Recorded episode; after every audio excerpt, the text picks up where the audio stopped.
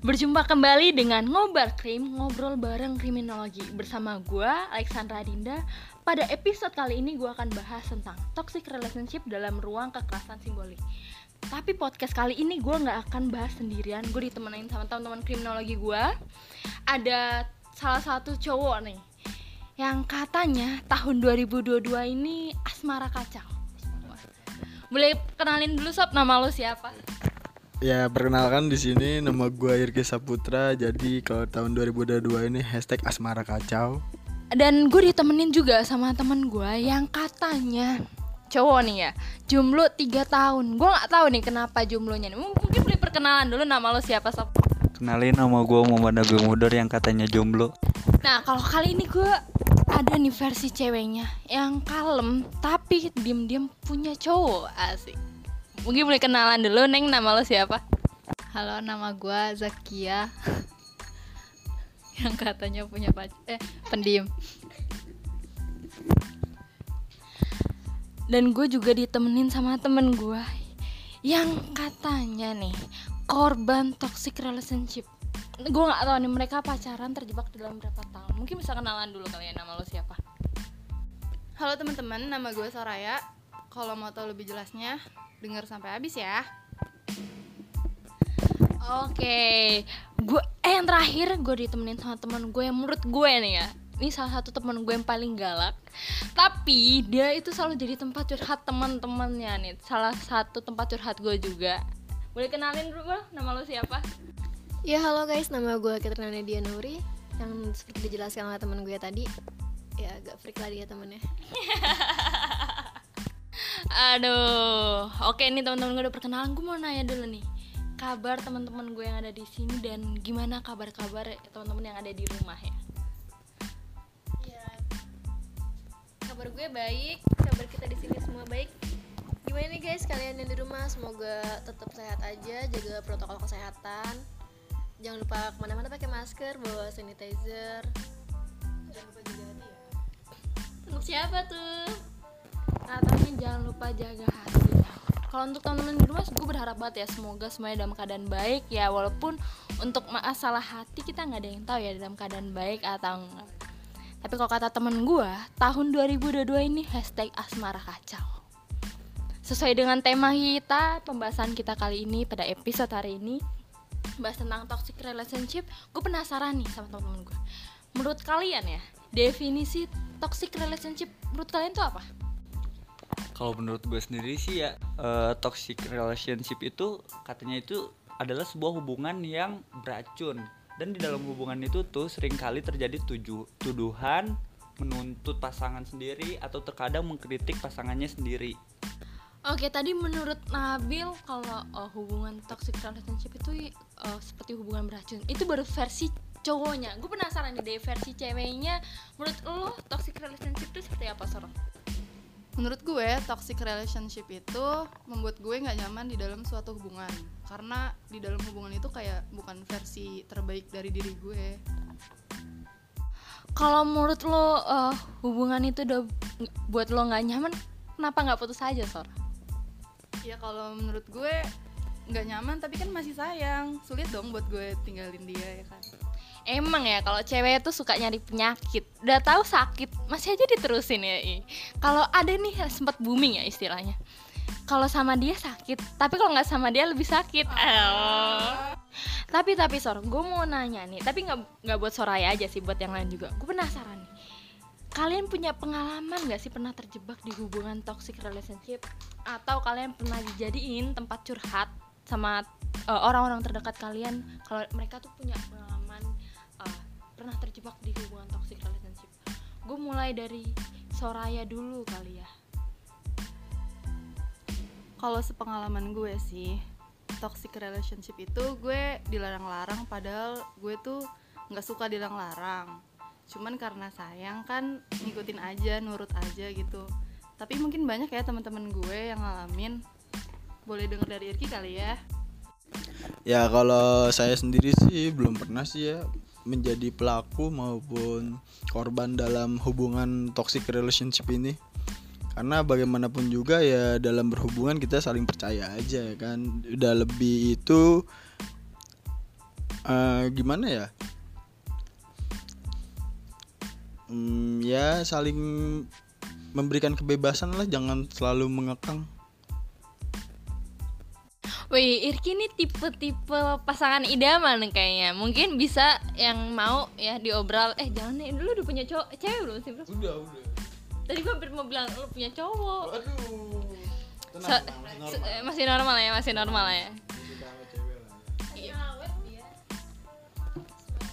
Kalau gue pribadi sih, kalau gue pribadi, aduh gue takut nih kalau mantan gue denger ya. Tapi kalau gue sih nggak pernah ya, kayaknya. kayaknya berarti pernah dong Kayak enggak, enggak. Tapi gue akan ceritain tentang pengalaman temen gue nih. Dia pernah terjebak di toxic relationship yang lu bahkan kaget nih.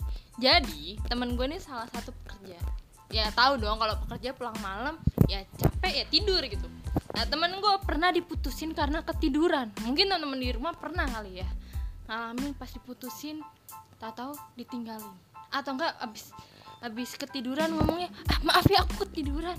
Terus marah-marah cuma karena kalian ketiduran. Jadi mau tidur laporan mau pergi laporan. Tapi nih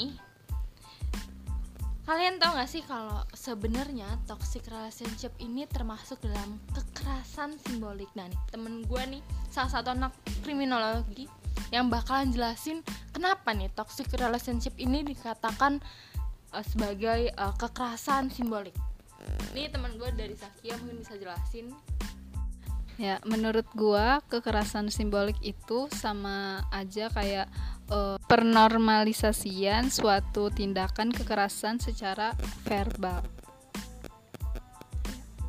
Oke, jadi maksudnya itu penormalisasian ini, jadi masyarakat tuh nganggep kalau tindakan eh, seseorang itu ada suatu kekerasan yang dinormalisasi ya. Jadi kayak nganggep ya itu hal yang biasa gitu ya. Iya, eh, jadi masyarakat masih minim informasi eh, tentang kekerasan ini.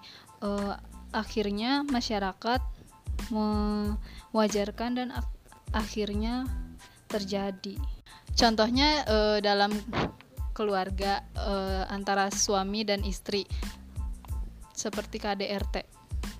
Oke, tadi kita kan udah dengerin ya penjelasan mengenai kekerasan simbolik di hubungan toxic relationship di lingkup uh, keluarga dan pacaran. Tadi Zakia sempat singgung juga bahwa sampai saat ini masyarakat kurang menyadari bahwa mereka terjebak di hubungan uh, toxic relationship yang sebenarnya itu kekerasan simbolik. Gitu. Gue mau nanya nih ke Sora ya sebagai calon kriminolog, menurut lo gimana cara menyadarkan masyarakat bahwa di sekeliling mereka ini atau saat ini tuh sebenarnya mereka sedang terjebak dalam uh, kekerasan simbolik. Cara menyadarkan masyarakat itu kita harus tahu dulu gerak pasangan kita kayak gimana beda dari sebelumnya ataupun posesif yang berlebihan. Melalui komunikasi cara baik-baik kepada pasangan kita kita tuh nggak nyaman di dalam satu hubungan kita juga harus sadar bahwa tindakan itu termasuk dalam kekerasan simbolik. Oke tadi kita udah uh, dengar gimana cara uh, menyadarkan masyarakat. Kalau jadi kalau misalkan kita udah ngerasa nggak nyaman atau uh, kita merasa zona uh, pribadi kita terganggu itu tuh kita udah uh, ngalamin kekerasan simbolik ya Sor?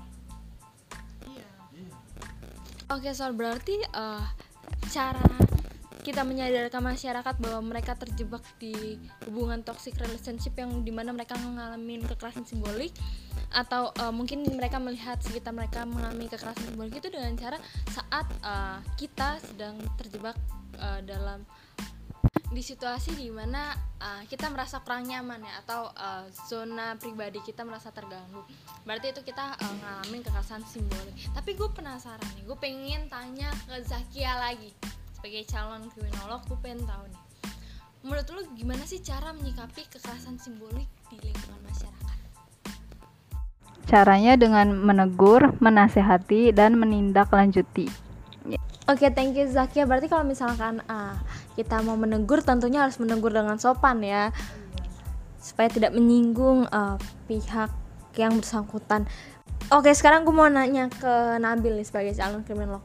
Bil, gimana sih tindakan pencegahan dalam ah, kekerasan simbolik, khususnya di hubungan toxic relationship ini? Eh, tindak pencegahan yang harus kita lakuin sih eh, mungkin sebelum ngejalin hubungan udah sebaiknya tuh kita memilah pasangan dulu agar terhindar dari toxic relationship karena dengan tidak adanya toxic relationship dalam hubungan kita maka tidak ada juga kekerasan simbolik Tuh gengs, berarti ben- tadi kata Nabil kita harus memilah-milah pasangan dulu. Tapi kan kadang kalau kita udah sayang ya kan di awal-awal bisa cowok deketin gimana ya perjuangan perjuangan perjuangan gitu kan. Manis banget nih waktu PDKT. Emang manis-manis tuh di hubungan PDKT doang. Pas udah jadian, tek, aduh. Sifatnya tuh mulai-mulai keluar tuh udah posesif-posesifnya tuh udah udah udah mulai-mulai muncul ya.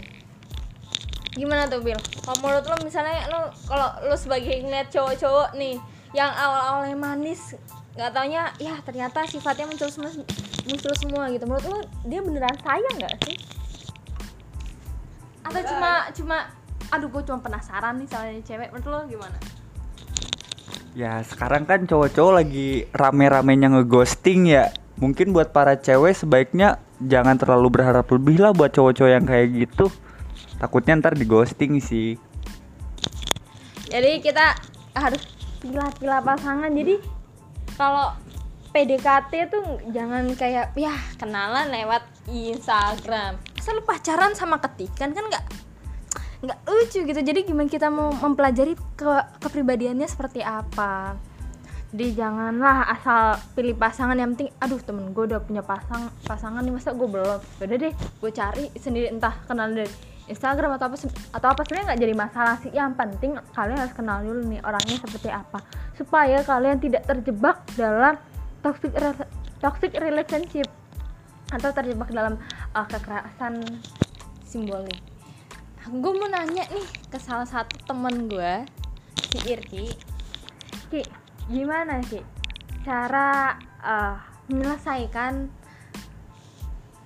permasalahan uh, kekerasan simbolik ini Ya jadi cara optimal dalam menyelesaikan permasalahan kekerasan simbolik itu yang pertama itu berusaha menghargai orang lain. Dengan demikian kita akan mengetahui apa yang baik dan apa yang tidak baik sehingga tidak akan menganggap rendah derajat seseorang sehingga kekerasan simbolik tidak akan terjadi.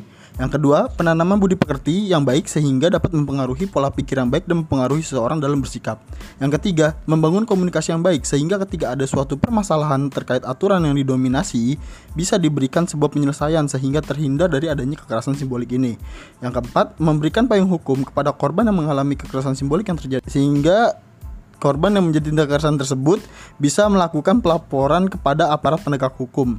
Yang keempat itu memberikan payung hukum kepada korban yang mengalami kekerasan simbolik yang terjadi sehingga ketika tindak kekerasan tersebut terjadi, korban bisa melakukan pelap- pelaporan kepada aparat penegak hukum. Yang yang kelima, menghilangkan ketimpangan gender serta pemikiran bahwasannya perempuan itu derajat posisinya lebih rendah daripada laki-laki sehingga tindakan kekerasan simbolik ini bisa tidak terjadi. Berarti Ki, seperti yang lo bilang di poin pertama bahwa kita harus berusaha untuk menghargai orang lain, berarti kita sebagai manusia ya kan harus bisa memanusiakan manusia ya Ki. Betul sekali.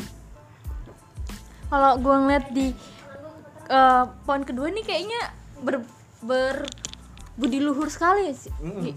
Bener banget. Penanaman budi pekerti yang baik. Betul. Sebenarnya kalau penanaman ini juga eh, sebenarnya tuh terpengaruh karena lingkungan juga kali ya dari lingkungan keluarga sebagai orang tua gimana mendidik anak-anaknya ya kan? Atau dari sekolah pun pokoknya gim- gimana caranya eh, orang tua dan sekolah bisa menjadi wadah bagi eh, bagi anak-anak dalam menanamkan eh, norma dan dalam berperilaku.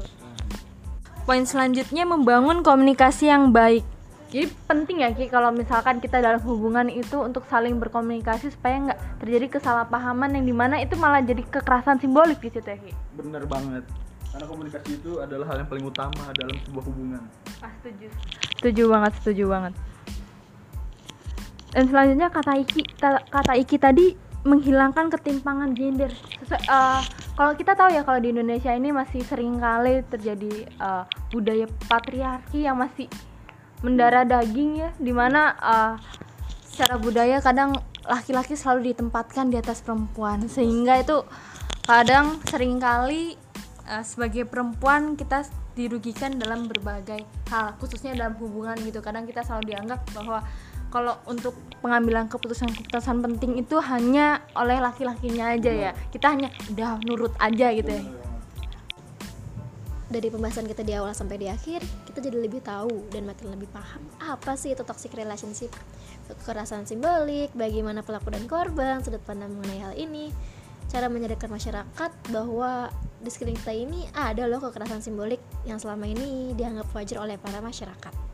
Nah dari podcast kita ini semoga kita jadi lebih aware lagi terhadap kekerasan simbolik contohnya toxic relationship. Ya itulah dia pembahasan dari kami. Semoga tahun 2002 ini kalian gak mengalami yang namanya hashtag asmara kacau Ayo pamit undur diri, see you next episode. Don't forget to share with your friends.